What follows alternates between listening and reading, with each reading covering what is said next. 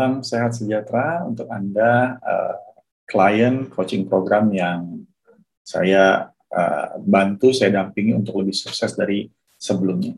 Di video kali ini, saya akan cerita tentang prioritas utama ketiga yang harus Anda benar-benar perhatikan untuk Anda sukses dalam menjalankan coaching program.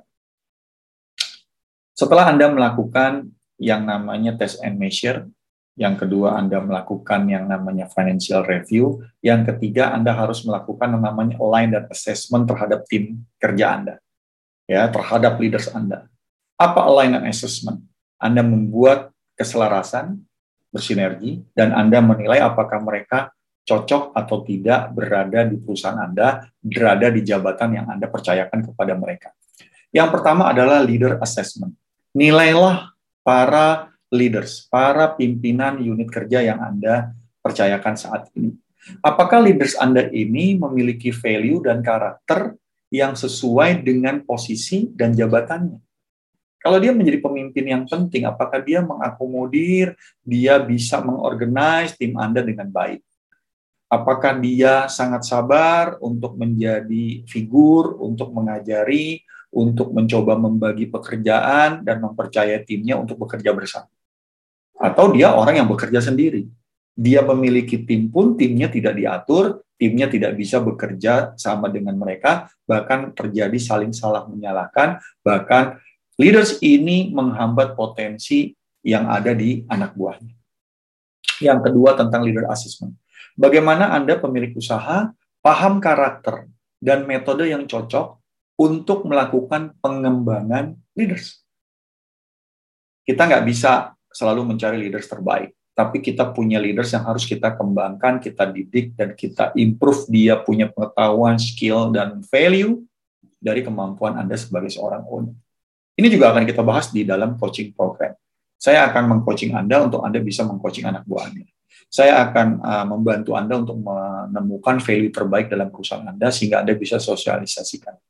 Yang ketiga tentang leaders assessment apa strategi yang akan dilakukan untuk melakukan pengembangan leaders? Apakah Anda punya training nanti rutin? Kalau belum, ya Anda buat. Apakah Anda rutin melakukan coaching kepada mereka? Atau Anda perlu mentoring mereka, sehingga mereka paham step by step tugas tanggung jawab yang Anda emban, uh, yang Anda embankan kepada dia, ya, yang Anda minta mereka untuk menggantikan fungsi Anda dengan adanya mereka, sehingga mereka bisa bekerja dengan baik. Ini yang penting tentang leaders assessment. Apa tentang align dan assessment yang berikutnya? Organization review. Review struktur organisasi. Apakah struktur organisasi Anda sesuai dengan apa yang Anda jalankan saat ini? Apakah semua kebijakan Anda bisa dijalankan oleh struktur organisasi yang Anda punya saat ini? Apakah rentang kendali, rantai perintah, penanggung jawab terhadap situasi dan kondisi yang ada sesuai dengan model bisnis yang Anda tentukan saat ini. Kalau belum, sesuaikan bisnis modelnya atau sesuaikan struktur organisasi. Ya, ini adalah dua hal yang harus Anda analisa dan review. Apakah penanggung jawab tiap departemen bekerja sesuai dengan pencapaian target organisasi? Jangan-jangan dia punya organis eh, dia punya target sendiri ya sehingga dia tidak inline dengan beberapa struktur organisasi atau unit kerja yang lain.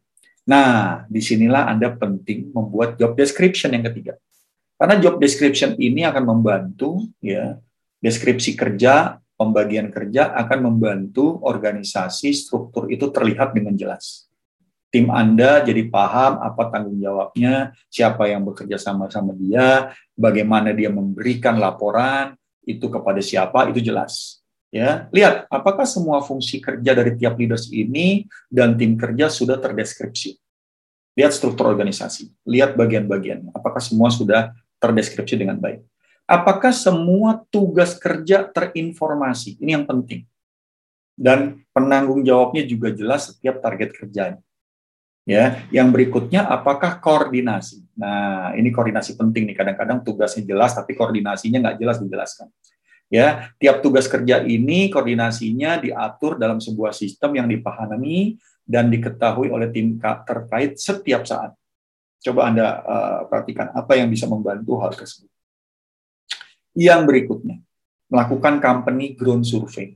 Apa coach company ground survey? Kita melakukan survei bagaimana pekerjaan di garis bawah, di fondasi bisnis bawah, atau di lini bawah itu berjalan atau tidak. Yang lakukan survei mendasar. Kalau belum ya lakukan. Ya, apakah alur fungsi kerja dari proses yang Anda inginkan, yang pernah Anda ceritakan masih berjalan sesuai dengan polanya, sehingga terjadi efisiensi dan efektivitas. Yang berikutnya, apakah setiap proses kerja memiliki service level agreement, kesepakatan kerja, ya, persetujuan antar departemen atau unit kerja jelas, sehingga ini bisa membantu bekerja dengan taktis. Yang ketiga, apakah SOP ini benar-benar ada dan dijalankan sesuai ketentuan? Jangan-jangan SOP-nya ada tapi nggak pernah dijalankan. Atau SOP ini dipahami, dia tidak pernah buka dan tidak pernah mereview. Coba Anda review hal ini sehingga bis, uh, tim Anda bisa bekerja secara align karena Anda paham. Dan itu semua ya harus Anda lakukan secara signifikan dengan value alignment. Ya, waktu sebelum pandemi saya melakukan value alignment training terhadap klien-klien saya. Apa fungsinya coach? Ya membuat target kerja bersama, mensepakati visi, misi, dan value sehingga menjadi komitmen. Ini dalam value alignment. Visi, misi, value dalam perusahaan dilakukan alignment training. Yang kedua, semua fungsi koordinasi dilakukan dan standar kerja yang dibutuhkan disepakati untuk dapat bekerja secara selaras. Bangun motivasi, semangat, sehingga mereka semua solid berkomitmen untuk membangun perusahaan capai targetnya. Itu dari saya, semoga leaders assessment dan value alignment ini bisa membuat bisnis Anda terus tumbuh dengan coaching program yang Anda ikuti.